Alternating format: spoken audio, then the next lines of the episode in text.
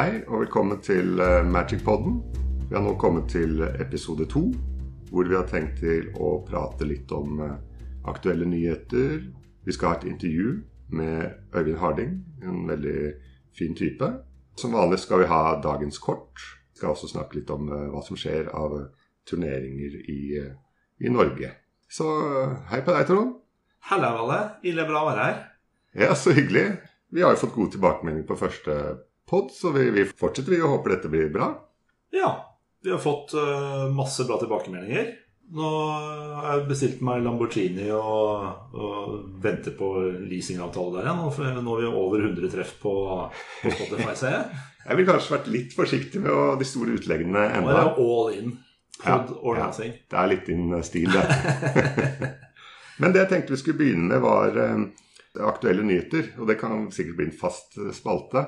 Denne uka så er jo den store nyheten Det begynte med at eh, Wizard la ut en video der eh, de snakket om at de hadde funnet 80 display med Legends. Eh, Det hadde de funnet ute i litt sånn øde sted i ørkenen. Ganske interessant historie. Og de kortene der Du så et stort bord med 80 display. Bare det gjorde meg ganske eh, våryr, skal jeg innrømme. Men, eh, men, eh, men de, de åpna de for de skulle sette inn i det nye settet som kommer i september. eh, Dominaria United. Det er ganske spesielt. Det er en artig greie å gjøre, og det har jo Wizards gjort en gang før òg. De har jo ja. putta inn masse gamle kort i det originale Zendikar-slettet. Det stemmer. Så, såkalte Super Treasures. Og det viste seg vel at det var eh, første edition, og jeg tror dessverre det bare kom i USA, for jeg tror ikke noen av de ble åpnet i, i Norge. Stemmer. Og for å forklare litt mer rundt det, så er det jo sånn at uh, Magic produseres i hovedsak i to uh, steder. Ja. Det er jo da i USA, som har en egen printrun, og i Belgia, som serverer Europa. Og uh, for car Treasurene så var jo det bare i USA-printrunnen. Ja, Som jeg tok og sjekket rundt det her, og det de uttaler, er at det her skal komme worldwide. Så da får vi bare håpe at mulighetene er der. Eh, Men det vi også må spesifisere, er at det her er eh, collectors-boosterne. Kun. Ok, så det er ikke draft-boostere? Nei. I tillegg så skapte det her ganske mye buzz da, i diverse eh, YouTube-kanaler, og, og, og det ble ganske mye blest. Og en del er jo, lurer jo på om stemmer det her. Og folk begynte å snakke om oi, har de nå begynt å bryte re- reserved list? Har de begynt å printe kort på nytt? Så, så det ble jo litt debatt. Og man ønsker jo ikke at de skal begynne å, å reprinte. Men, men den historien jeg tror mest på, eh, som jeg leste, er at eh, når Legends ble gitt ut i 1994, så var det en del en, en printrun der de manglet en del viktige uncommons. Ja. Annet Mana Drain, som var ganske chase-kort også på den tida. Ja, det, er en, det er et av de store, gode kortene fra Legends-settet. Og nå snakker vi uh, om Legends uh, som var det tredje expansion-settet til Magic the Gallery. Etter Arabian Nights og Antiquities. Ja. Så, så, så på den tida så, så man kalte det egentlig på en måte et A-display og et B-display, der B på en måte manglet en del kort. Og de som fikk booster fra det displayet, de fikk lov til å bytte inn uncommons. Så det skulle bli rettferdig at man hadde lik mulighet som de som kjøpte A-displayet. Og av den grunn, og også fordi de har vist oss liste med hvilke kort det her gjelder, og der mangler bl.a. Uh, Manor Drain, så virker det her som er typiske B-boostere. De har antakeligvis ikke laget for salg, nettopp pga. eh, at det var manglende produkter. Så historien er ganske plausibel, altså. Ja, jeg syns det. Men hvis jeg forstår deg riktig nå, Valmon, så betyr det at du fortsatt har mulighet til å få noen rares da, fra Legends. Absolutt. Det virker som de fleste raresene er der, og da snakker vi jo kort som kan ha høy verdi.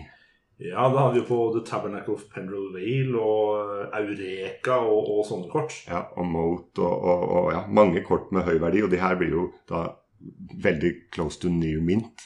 Så veldig bra stand. Så, så drømmen kan iallfall leve. Eh, de har regnet litt på sannsynligheter her og sånn, og det er ikke så veldig stor. Men det er ikke det vi liker med å åpne Magic Boosters. Muligheten til å få noe. Helt klart. Det er jo brukerposer, som vi kaller det. Et kjapt søk på Legend-settet her nå, det eh, viser meg at uh, settet er verdt 23 353 dollar i gjennomsnitt i fullt sett. Ja, alle korta. Ja, så rundt kanskje 200 000 norske. Ja. Og det er jo litt. Og man har noen eh, ganske dyre rares her. Så hvis disse raresene kommer i pakker, så er det ganske store prices, ja. Ja, så jeg eh, gleder meg, og, og, jeg er nok, eh, selv om sannsynligheten er lav, så er jeg nok jeg er dum nok til å kjøpe noen Collectors displayer Display bare fordi det er morsomt å åpne. Ja, Et kjapt søk på The Tabernacle at Pentrel Vale, landet fra Legends, som er mest verdt i settet, så står det nå i 5204 dollar på Median Reserved uh, TCG-player i dag. Her snakker vi jo om uh, prices opp til 50 000 norske kroner i enkeltkort. Men jeg tror nok det blir vanskelig å åpne disse her. Jeg tror ikke de forekommer ofte. Nei, jeg tok en sjekk, og jeg syns de snakka om eh, 3 for 3. å få det i én booster. For å få det i én booster, ja. ja. Og da er det jo flere comments enn rares osv., så, videre, så sannsynligheten for rare er lav. Men den er allikevel mye høyere enn var i Sendicar når du kjørte Treasures der. Det er en 3 eh, er 3% ja, ja. Og, og vi syns jo det er gøy bare å finne en common også. Ja, ja, helt klart. En, en salgsgimmick, helt klart, men uh, en morsom greie. Ja, absolutt. Jeg liker lurer meg iallfall. Ja, det lurer meg også.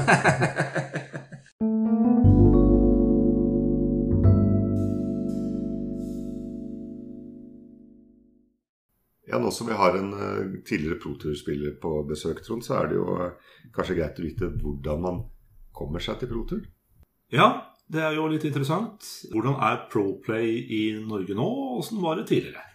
Ja, og Hvis du ser på hvordan det var eh, i gamle dager, så husker jeg jo selv at vi spilte PT-kuer. Som ble arrangert i, i, butikker i Norge, Outland og sånt noe. Og det var én turnering, og vinneren kom direkte til Protur. Da var det enkelt og greit. Eller enkelt og greit, men uh... Ja, Det var ikke så lett å vinne turneringene, men var liksom, da var det bare det ene leddet. De turneringene var kjempemorsomme, syns jeg. Men det var vel andre måter å kvalifisere seg til Protur på også, Valmon? Ja, det stemmer. Eh, man kunne jo kvalifisere seg gjennom disse Grand Prixene hvis man gjorde det bra der. Tillegg så kunne man få pro points, de som var på spilte Pro Tour-turneringer allerede. Kunne samle opp masse pro points og komme videre på den måten. Så forandret jo Wizard på, på det systemet her eh, for noen år siden. Ja, da ble det jo først en preliminary pro tour qualifier, også kalt PPTQ, som leda til en regional pro tour qualifier. Den ble kalt RPTQ, og PPTQ-en ble ofte spilt i en eh, lokal eh, spillforretning, sånn som Outland i Oslo eller i Bergen osv. Mens en RPTQ ofte var eh, type et samlingssted for skandinaviske spillere som hadde kvalifisert seg. Type Göteborg eller Stockholm eller Kjøben eller lignende. Ja, eh, Og da måtte man jo da dra til Sverige og spille en turnering til for å komme til pro-turen. Og, og, det var jo sånn, hvis det bare var deg som var kvalifisert, så var ikke det alltid så gøy å, å dra den turen og spille der og, og ikke klare å kvalifisere seg. Nei, det var jo litt sånn uh, dra aleine på tur langt ofte. Uh, og ja Var kanskje ikke den kuleste måten å kvalifisere seg til pro-tur på. Nei. Og, og, så forsvant jo faktisk pro-tur en periode. Eh, og så hadde vi hatt pandemien, og nå er jo Protur tilbake. Og det er jo kult. Det er kult, for vi ble jo veldig redd for at alt skulle handle om digitalt spill. Og vi er jo forkjøpere av at uh, gathering ikke skal tas ut av Magic. Nei. Vi møtes og spille fysisk har noe eget ved seg, altså. Ja. Selv om online er kult, så er papp også kult. Ja.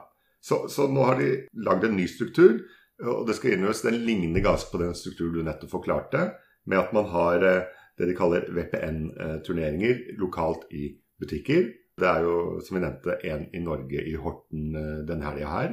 Det er ikke så mange av dem, men det er iallfall én i Norge denne runden. Ja. I tillegg Og det vi skal på eh, i august nå til Sjøbønn, så kan du kvalifisere gjennom eh, Legacy Magic Showdowns, LMS. Så det er på samme nivået. Ja, så en store qualifier i Norge er egentlig på samme nivå som en LMS eh, storturnering ute i Europa. Ja, det stemmer. Og så, hvis man kvalifiserer seg derfra, så kommer man til Legacy European Championship. LEC forkorter det med. Så, så det er neste nivå, og det er en ganske stor turnering som jeg tror har ganske bra premier. Så den er på en måte, hvis du sammenligner med det du snakket om, en turnering i, i Sverige f.eks., så tror jeg den her har mer verdi i seg selv. At det kan være morsomt å dra dit for å prøve å vinne litt utover det å kvalifisere seg videre. Ja, for hvis vi tenker da at en, en VPN store qualifier er gøy og du kvalifiserer deg, så er det jo fortsatt morsomt å sitte på en LMS eh, med flere tusen spillere, vendors og miljøet rundt der. Hvis jeg forstår deg rett nå, så har vi en felles qualifier fra både VPN og LMS til en lekk. Ja. Og hvis jeg ikke tar helt feil, så avholdes den på slutten av året. Ja, det tror jeg. Og det, jeg vet iallfall at det skal avholdes i, i Sofia. Ja, Sofia i november tror jeg det er. Ja, det stemmer nok. Og på denne LEC-turneringen så kan man da kvalifisere seg til Protur. Men det nye her nå er at man også kan kvalifisere seg til Worlds. Og Worlds er jo på en måte toppnivået eh, når det gjelder Magic Competitive Play. Ja, Pro Tour har man jo før hatt fire i året, nå tror jeg det er tre. Mens Worlds har man bare én gang i året, og pleier å ha de største eh, premiene. ja. Interessant.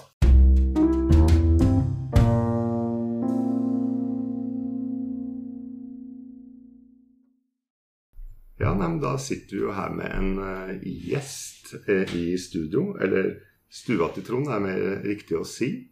Og det er jo da Øyvind Harding. Hei, hei. Familiefar, fysioterapeut, forfatter. Og for oss viktigst en Magic-spiller. Som er noe så sjeldent som en tidligere norsk pro-player. Ja, jeg har vært med på noen Pro Tours, men uh, ikke så fryktelig mange. Nei, men det holder for oss. Så jeg tenkte jeg skulle begynne å stille noen spørsmål. Eh, Du kan jo fortelle litt om deg selv, hvordan du starta med Magic. Ja, jeg heter som sagt Øyvind Harding. Jeg har spilt Magic i ca. 1994-1995. En kompis som jeg kjøpte et par reverse-startere, og vi fikk ikke helt til det spillet, for ingen som kunne lære oss det. Men uh, året etter så var det en som uh, fant ut han skulle lære oss Magic. Ved å spille Stasis mot oss. Oi! det, det er hard learning. Ja, så konkurranseinstinktet ble født der med i Magic med at jeg skulle slå han. For det var ufattelig kjipt å spille mot Stasis. For de som ikke kjenner til Stasis, kan du bare si litt om det, vel? Selve kortet gjør at du får ikke noe untap face. Dekken gikk jo ut på å tappe ned det du gjorde, og så fikk du aldri untap det. Ja. Og så midtveis i gamet, når du trodde at endelig skulle du få lov til å untap, så untap han alt sitt, og så fikk ikke du untap ditt. Lockdown magic. Det er hyggelig. Det er gøy. Sånn, sånn lærte han oss å spille. Kan du fortelle litt om din uh, pro-tur-karriere? Ja, som jeg nevnte, med konkurranseinstinkt så liker jeg jo å vinne. Det er For meg så har Magic alltid vært et sånt puslespill som skal løses. Hvordan kan jeg vinne? Så Da jeg ble 16, så ønska jeg meg eh, togbillett til Oslo for å spille NM. Og det fikk jeg lov til. Så jeg reiste alene fra Mo i Rana til Oslo. Tok eh, 14 timer tog begge veiene. Og gikk 3-3. Men det var, Husker du ca. årstall da? det var 1996. 96, ja. Det tidlige tidlig NM. Ja, det, det var utrolig spennende opplevelse. Var det første NM, kanskje? Nei, det var et før det, mener jeg. Okay. Første gangen jeg gjorde noe bra, mener jeg var i rundt år 2000 da jeg kom topp 8 NM. Ja. Og dermed kvalifiserte jeg EM, som eh, gikk da. Jeg gjorde ikke noe spesielt bra i EM, men det var utrolig gøy å reise og spille Magic. Som dere snakka om sist, så reise på Grand Prix og sånt, det har jeg gjort mye av. Men Kan du si litt om hvordan EM var? For det er jo ikke noen turneringsform vi har lenger. Nei, det er fryktelig trist, for det var jo veldig spennende. Det var jo topp åtte fra alle land, mener jeg, i Europa som var kvalifisert til det. Det var todagers event. Hestog vant jo EM året før, tror jeg. Så da ble jeg fikk en liten drive at nå skal jeg prøve å kvalifisere til den type turneringer. Slutte å reise og spille PTQ og Ja, og så Jeg har bare spilt NM i nyere tid, sånn 2007-2008. Og, og da var jo NM to runder med draft og to runder med constructed, fordelt på to dager. Var det også sånn eh, tilbake i 96? Da var det bare constructed, hvis jeg husker riktig. Ja, ok. Ja, En type standardformat, eller? Ja. Ja. Det var standard. Og EM var også standardformat, eller? Det var standard. Ja. Spilte vel uh, blå-grønn uh, Madness, hvis jeg husker riktig. Ja. ok. Nå på den tida. Var EM var det også connecta til Protur eller Worlds eller noe sånt videre? Du fikk proturpoeng, mener jeg, hvis du gjorde det bra nok. Så det var jo uh, Og de proturpoengene kunne du jo Fikk du nok, så ble du kvalifisert til en protur.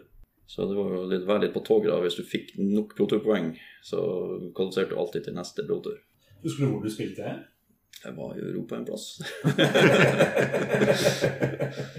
Nei, det husker jeg ikke. Det er litt Ja, men Det sier jo litt at gutten har spilt så mange store turneringer at de husker hvor han har spilt dem. Ja, det er sant. Jeg har vært med på å lande i et land i Europa og ikke vite hvilket land jeg var i. jeg, jeg trodde jeg dro til Nederland, men jeg var i Belgia. Ok, vi skal kanskje ikke spørre om hvorfor det. men.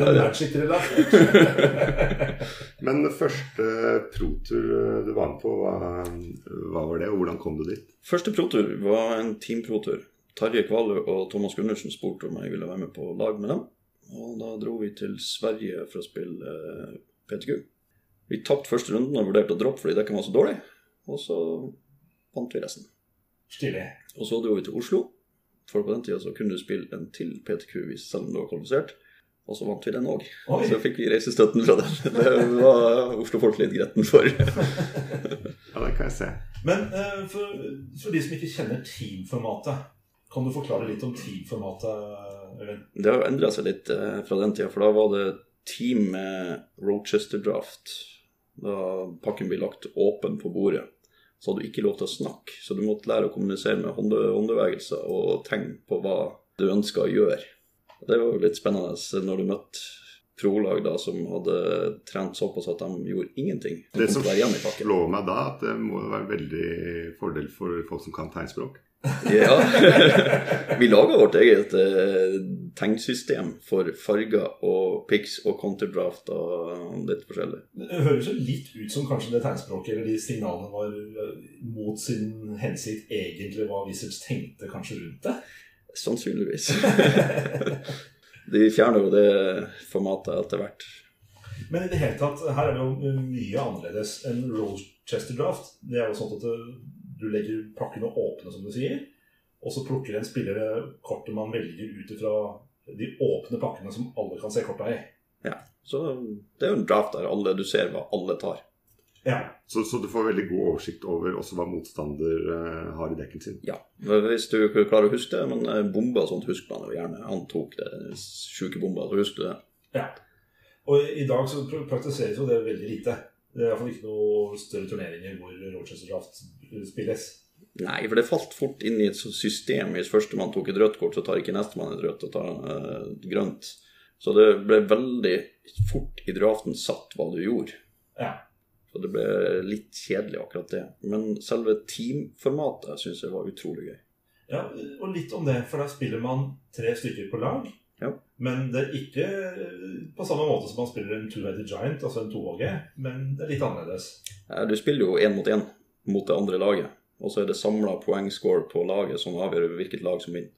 Hvis eh, to, du taper, men dine to teammates vinner, så har laget vunnet. Ja. Og de gangene vi har spilt eh, Team Valle, så er det jo ofte en som sitter i midten som blir definert som en kaptein på laget, f.eks. Ja, det var ofte en kaptein, men har ikke noe bestemmelsesrett utover. Og kanskje den som har mest oversikt over gjengen. Men da sitter man og snakker åpent om valg man kan gjøre. Du kan spørre din eh, lagkamerat om eh, lure ting du skal gjøre i matchen din. Det kan du gjøre nå, men det kunne du ikke da. Ikke lov til å eh, kommunisere med din lagkamerat i, i en game. Nei. Det ble også endra en liten stund etter det. Så du Ja. kun snakke og få råd fra laget. Her er det mye hemmeliggjort. Tegnspråk og ikke lov til å snakke og Men så vant dere jo i Oslo, og så kom du til protur. Ja, det var i Boston i 2001. Da gjorde vi det forholdsvis bra. Møtte ja, de sterkeste spillerne på den tida. De, de var veldig gode. Veldig bra gjennomsnittsnivå. Husker du noen du slo på den tida som du var eh, spesielt eh, fornøyd med å slå? Jeg var veldig fornøyd med å slå Justin Gary, men eh, jeg vet ikke om lytterne husker han. Han var dyktig på den, på den tida. Vi slo også et av de store japanske lagene på den tida, som liksom besto av eh, bare protovinnere. Da var vi fornøyd. Vi kom på 20.-plass, da, så vi vant jo litt penger òg. Ja, Ja, det er kult. Det er en ganske stor prestasjon. Hvor, eh, for, hvor mange lag var det med, hvis man sier 20.-plass? Altså sånn, sånn cirka? Det husker jeg ikke, men vi var i øvre, godt i øvre halvdel av feltet. Ja. ja. Det er en stor norsk prestasjon. Ja, absolutt.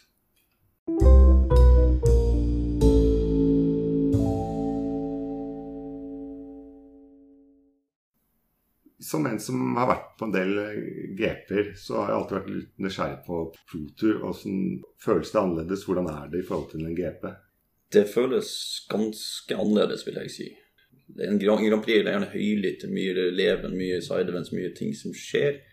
Sånn som jeg husker proturene mine, så var det mer, mer stille, mer fokusert. Du skal ha tunga mye mer rett i munnen på hva du holder på med.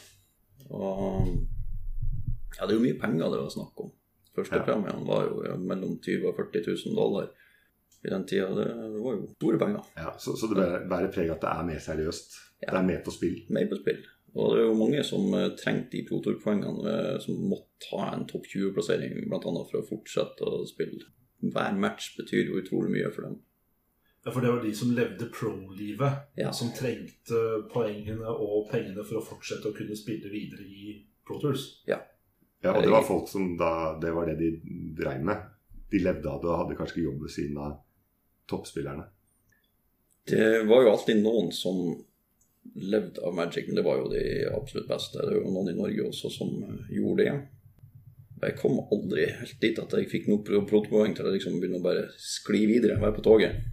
Jeg var oppunder, men jeg bikka ikke den eh, magiske grensa. Nei. Ja, sånn som Nico var kanskje der en Nico var der. Ja. Ja, flere norske. Sigurd Eskeland var jo der. Eivind Nitter. ja, ok. Flere av den gjengen. Men hva Du var i nærheten, sier du. Hva var eh, Hvor nærme var du? Hva var på en måte din største achievement? beste jeg har gjort på protur-nivå, det var Protur Amsterdam, som Nico vant. Da spilte jeg om topp åtte to runder før slutt. Tapt beklageligvis den mot en eh, franskmann som eh, ikke var spesielt hyggelig. Men ikke Dirty Play, eller? Nei da, han eh, var bare en drittsekk. Si det rett ut. Opplevde du å spille mot Nico i den proturen? Nei, det gjorde vi ikke. Vi var aldri på samme draftbord. Det var en draft-pro-tur. Det var kanskje litt eh, bra, da, eller? Jeg er veldig fornøyd med at jeg eh, slapp å møte han. Han, vant jo to pro-turer i det formatet. Ja. Hvor mye penger sånn vant du på den eh, proturen? Jeg må innrømme at jeg husker ikke helt. Jeg kom på 20.-plass etter en uh, ill-advised draw i siste runde. Jeg hadde sannsynligvis vunnet. Ja, men det var ikke en draw into topp åtte? Nei, det var i siste runden, altså. Topp åtte var jo ute, Ja. ute av spill. Men jeg hadde plassert mye bedre med, med en eh, Rundt tolvteplass. Ja, ok. Ja, og jeg har også hørt at du har eh, spilt i Worlds. Ja.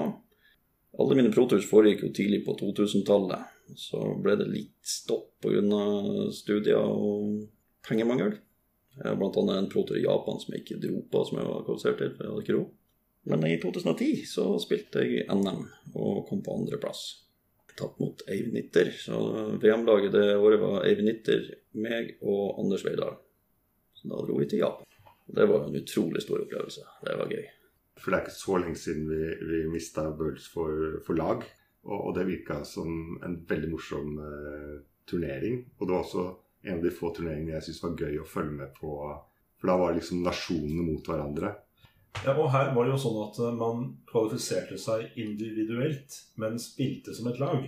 Det var jo to deler av det her. Hvordan laget er plassert, og hvordan du er plassert individuelt. Spilte begge typene da. Begge deler på Worlds. Ja. Ok, ja. Og, og i den sammenheng så tenker jeg at det har jo litt å si hvordan laget fungerer sammen. Absolutt. Hvis du har veldig dyktige spillere, men de er veldig individualister og ikke klarer helt å spille på lag. Hvis du tenker sealed, så må man fordele en pool med kort og sånne ting. At det lagsamarbeidet har en god del å si. Vi prøver, forsøkte jo å ta litt oppkjøring og eh, kom fram til gode dekker spill. Vi traff ikke helt, men eh, ikke helt forferdelig heller. Det vi spilte var veldig bra mot eh, det absolutt toppdekkende i formatet, og så var det et par dekker vi ikke hadde fått med oss eksistert, så da tapte vi mot dem. Ja, ikke sant. For det går jo mye på, iallfall i constructed, å forutsi hva man kan eh, Hva metaen er, da, som vi sier. Ja. Og, og hva man regner med å møte. Og så blir det litt lotteri om man møter de man har best dekk mot. Hvordan gikk Worlds? Ikke så fryktelig bra. Det var jo en tredagers event. Mener jeg gikk ca. even. Vant like mye som jeg tatt. Ja. Det er jo grei start. Ja, ikke nok til å få noe premie, men eh, det var, det var ok. Men kan man på en måte si at uh, du har vært en del av landslaget? Man kan, kan kanskje kalle det landslag hvis man representerer Norge i, en, i et verdensmesterskap? Det var et landslag. Det var landslaget, Ja, ja. Så du har vært på landslaget i verdensrekorden? ja det. Ja, ja. Ja, det skulle jeg gjerne vært sjøl. ja. Men det er en ganske eksklusiv klubb, tror jeg. Som jeg har nevnt Nikolai Hertzog et par ganger. Han har vært der opptil flere ganger på det laget. Så. Det er noen som har det. Ja. Ja, for da endra landslaget seg etter NM hvert år. Ja. Hvor du fikk et nytt landslag. Ja. Topp tre i NM ble landslaget, mens eh, fjerdeplassen også fikk spille individuelle VM. Dette er da turneringer som ikke eksisterer lenger. Verken NM, EM eller Worlds. Det er fryktelig trist. Det er utrolig trist. Ja, og det gjorde jo et forsøk på slutten av Worlds. Så hadde jo de NM som bare var én dag, og det føltes veldig mye mer tilfeldig om man kvalifiserte seg. Og så slutta det jo helt, dessverre. Ja, Så til Mark Rosewater og alle disse andre som vi vet hører på, skjerp dere! Vi vil ha NM. Det kom jo tilbake eh, et slags NM på slutten eh, rundt 2018, gjorde det ikke det? Jo, det var det jeg snakka om, og det var sånn endags. Ja. Og det var ikke like bra, syns jeg. Nei. Men det som var litt gøy der, var at eh, meg og bl.a. Sveinung Bjørnerud og et par andre hadde i, da, i flere måneder drevet planlagt å arrangere et uoffisielt NM. Oh, ja. Ja. Det var det året de kom tilbake med den endagen, så det ble ikke noe av. Men vi var på nippet til å arrangere NM uoffisielt. Og det er jeg ganske sikker på det hadde vært mye bedre enn det som faktisk ble arrangert. Sannsynligvis. Men jeg regner med at eh, Magic Community sier ja takk til et eh, nytt uoffisielt NM, nå som vi vet at det kanskje har vært muligheter for det. Ja, Du nevnte Mark Rooswater du hørte på, men eh, jeg regner med at Sveinung Bjørnerud hører på. Så han kan jo ta det med ballene videre. Og så satser vi at begge har masse tid på on your hands. Men alt i alt, Øyvind, hvor, hvor mange Pro Tour og, og Birds ble det? det Hvis jeg husker riktig, så ble det seks individuelle Pro Tours. To Team ProTours Pro Tours og en Worlds. Ja, ok. Nå snakker vi jo mye om uh, resultater og, og turnering og sånt. Men det jeg opplevde iallfall, er jo alle disse historiene man har med seg fra hver av disse turneringene, er jo det man ofte sitter igjen med, som jeg setter veldig pris på. Du må jo ha opplevd en del uh, morsomme ting. Mange utrolig morsomme ting som har skjedd. Så Vi snakka i stad om turneringshistorier og sånt. Og da kom jeg på eh, Alexander Dahl ble juksa mot i Grand Prix Praha. Okay. Da var Rune Horvik en av dommerne på Grand Prix Praha.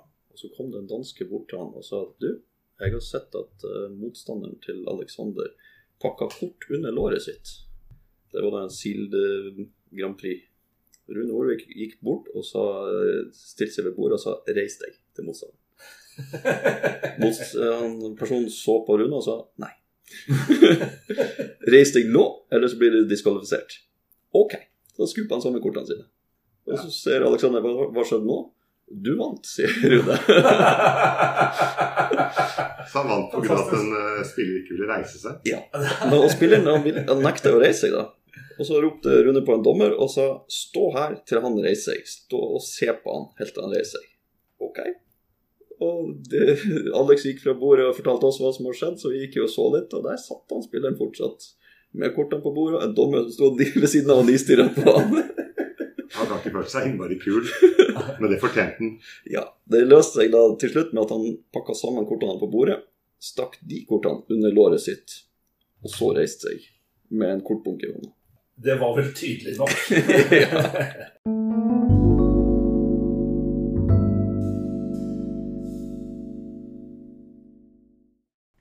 Øyvind, du har hatt en lang og innholdsrik eh, Magic-karriere. Eh, Men hva er eh, Magic for deg i dag? Etter Worlds i 2010 så fikk jeg barn. Og det satte en liten stopper på mine reisemuligheter. Men jeg har klart å holde på at jeg reiste på én Grand Prix i året. Og da spiller jo mye Magic på nett, så jeg var jo alltid forberedt til de Grand Prixene. Har jo ikke gjort det noe bra, men det er jo utrolig fint å kunne reise på en Grand Prix-tur. Det gjorde jeg fram til uh, verden ble stengt ned. Etter det så har jeg ikke kommet meg på noen turer ennå. Du sier at du preparerer online. Er det Arena eller MTGO du pleier å, å preppe på? Det pleide å være Magic Online, men da Arena kom, så likte jeg den interfacen veldig godt. Så de siste årene så har det bare vært Arena. Ja, ok. Er det noe på Vintage Cube og sånn på MTGO? Jeg pleide å spille det omtrent døgnet rundt, men uh, de siste to årene så har Magic uh, sklidd inn i mer kosehobby for meg. Og en av grunnene så har jeg slutta litt med det å sitte og grind for meg selv. Også Vintage Cube eh, på nett og sånt. Jeg trives mye bedre med å sitte med gode venner og spille. Så bra. Det liker vi å høre. Før pandemien så hadde jo du eh, også disse Cubenational-turneringene. Så du kan jo prate litt om det. Ja, jeg syns jo Cube er utrolig morsomt. I mange år så nekta jeg å spille Cube. Jeg har gått glipp av mange gode år med cubing. og jeg fikk en idé om at jeg hadde lyst til at vi skulle ha en stor turnering hvor man spilte Cube. Da fikk jeg med flere som eh, har kuber. Jeg tror vi var fire eller fem kuber totalt. Og vi har valgt to ganger. 2019 og 2020. Så ble det stopp pga. korona. Og den eh, forrige Cubitational den ble jo vunnet av eh, vår egen Valle her. Ja, jeg skulle jo si at det, det er noe av de morsomste turneringene jeg har vært med på. Og Er det bare fordi du vant, eller var det veldig morsomt? jeg skulle legge til det at eh, det var morsomt selv, hadde vært morsomt selv om det ikke hadde vunnet. Ah. Veldig god stemning. Eh, Vi pleide jo da å sitte på en pub i Oslo. Ja, og jeg regner med at vi får til det neste gang også. Vi kommer nok til å kjøre i gang på utpå høsten. Spennende. Veldig gøy. Det gleder vi oss til. Litt info om Kube for de som ikke vet hva det er. Det er en samling med kort eh, hvor man setter sammen ofte 360 kort av eh, individuell karakter. Altså ikke mer enn ett kort av hver type. Så man da drafter sammen åtte stykker i hver sin kube. Men kan du si litt Øyvind, om eh, hva slags kuber som er på Cubitation? Der har du alt fra Common Cube, som var veldig spennende fra Sveinung, til fully powered med Og Lotus og hele pakka fra Lars. Og det er jo, reflekterer jo gjerne den som har laga kuben, hva de er interessert i. For de velger jo ut kort selv. Så du har et forskjellig tema, du har forskjellige varianter og det som er mulig å få til i en draft. Ja, og jeg kan jo kanskje legge til her at uh, det er veldig få begrensninger på hva du kan putte i en kube, og det er gøy. Ja, jeg tenker at Den som lager kuben, den kan bestemme selv hva kuben handler om. Og det er en uh, grei måte å gjenbruke magic-kort du har drafta og sida. Og, og I stedet for bare, bare konsertformat, format, så kan du drafte dem om igjen. Så for de som ikke kjenner til kube, sjekk ut hva kube er, og prøv det. Veldig gøy.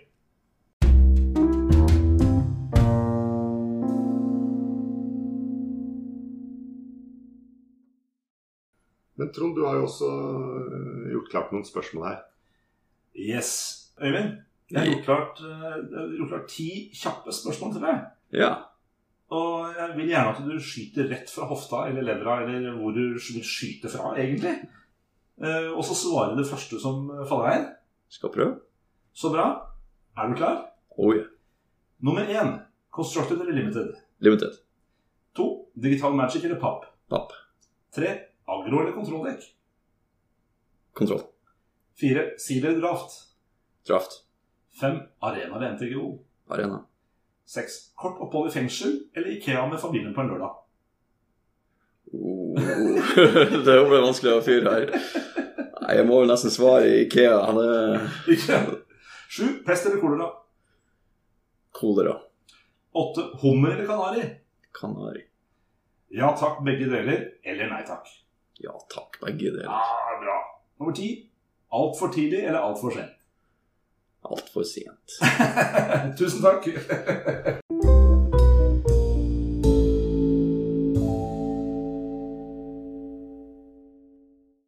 Da har vi kommet til episodens kort, og den æren har vi jo gitt eh, deg, Øyvind, å velge det kortet vi skal prate om i dag.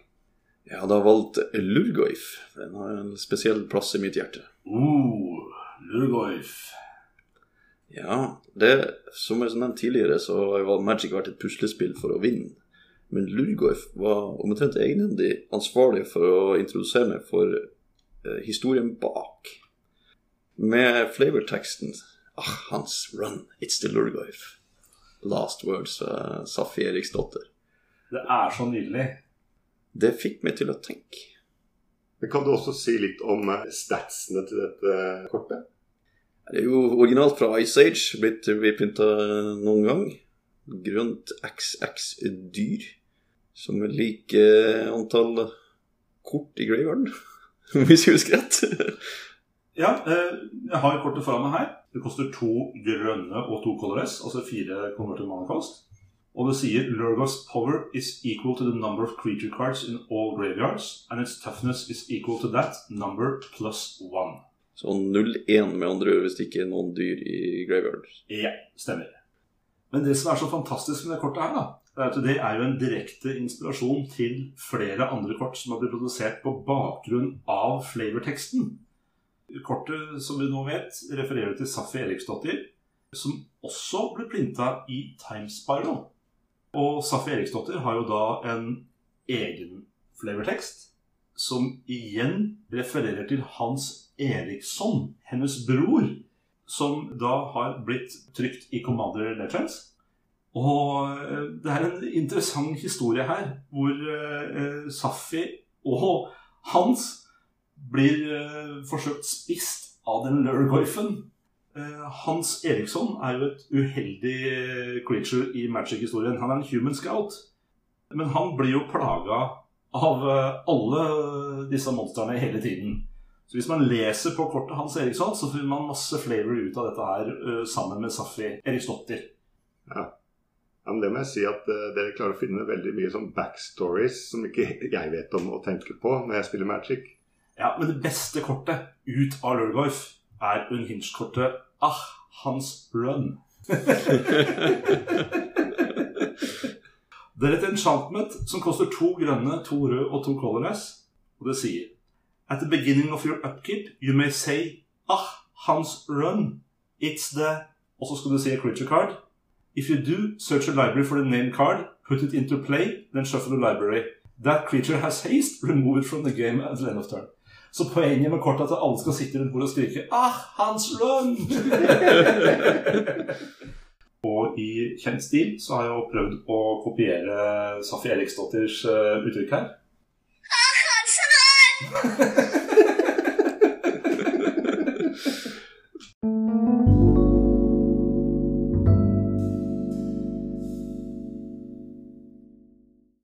Ja, Øyvind, det har jo vært eh, veldig hyggelig å, å ha deg på besøk. Det har vært mye interessant du har eh, fortalt om. Tenker du å avslutte intervjuet her nå? Har du noen closing remarks? Ja, takk for at dere fikk eh, komme. Og jeg syns det er utrolig gøy at dere starta podkast. Spennende å høre på det i forrige episode. Jo, takk. Veldig bra. Da har vi tatt uh, tempen på Øyvind, da. Den var 37,5 tatt rektalt, og det er akkurat sånn som det skal være. Kan ta ut tommelen nå. Kan ta ut tommelen nå. Sånn, da er vi ferdig. You're off the hook. Ofte.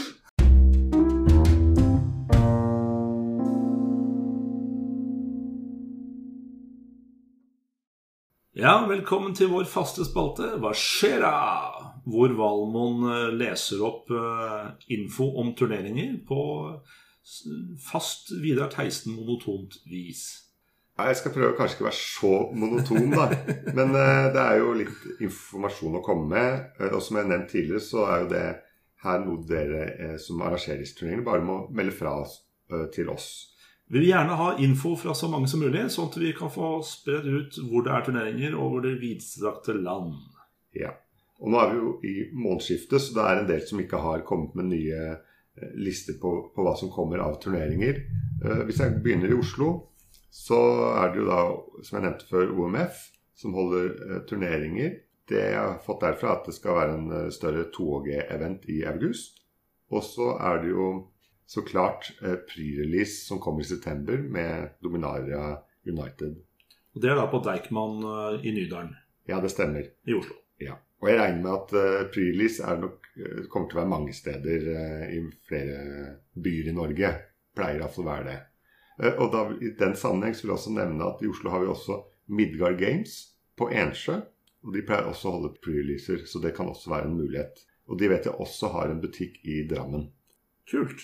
Og så har vi jo Moss, og som jeg nevnte, de har en større modern-turnering den 7. august. Bina Box, så den høres spennende ut. Og de kommer nok også til å ha pre-releaser tidlig i september. Alle Modern-spillere til Moss 20. august. Veldig viktig. Ja. Og så har vi fått inn en uh, ny her. Vi er jo ikke så mye på Vestlandet og spiller Magic. Men der har de jo Dragon Nest Gaming, og ligger sentralt i Stavanger. Adressen er Ledalsgata 1. Så har de faktisk Norges eneste PPN premium-butikk. Og det er en, en tittel som gis av Wizards, og det gir deg en del fordeler med tanke på hvilke turneringer du kan holde, og du kan få eller de får forskjellige promoer som er unike og sånt noe. Så det er innmari kult. Og det er jeg nesten litt misunnelig på, skal jeg innrømme. Litt sånn Michelin-guiden for Magic, altså. Ja, det er sant det når du sier det. Så Stavanger har én stjerne i Michelin-guiden her, eh, eller i eh, VPN-guiden. vi kan kalle det VPN-guiden. Bra her- jobba, Stavanger. Bra jobba. Her syns jeg Oslo må, må komme på beina og klare å få til det samme. Ikke bare Oslo. Jeg syns mange har noe å strekke seg etter her. Ja, absolutt. Eh, Og jeg kan jo fortelle litt mer om den butikken når vi først er i gang, da. Og de har åpent 13 til 21 på ukedagene, og på lørdag 12 til 18. Og det de har av turneringer sånn fast, så er det Modern på mandag, og den starter 17.30. Og det regner jeg med at de fleste turneringene der gjør, for jeg har ikke fått eh, noe info om noe annet. Tirsdag så har de Warhammer. Det er jo ikke da Magic, men eh, noen liker det også. Og så onsdag Commander. Torsdag Draft. Fredag Commander og Pioneer. Og lørdag Commander pluss Special Events. Å ja. Så de har litt sånn diverse utover hele uka? Ja, det har de. Og som jeg nevnte, de kan ha store, kule turneringer pga. sin status. Veldig bra. Det var alt vi hadde i denne faste spalten Hva skjer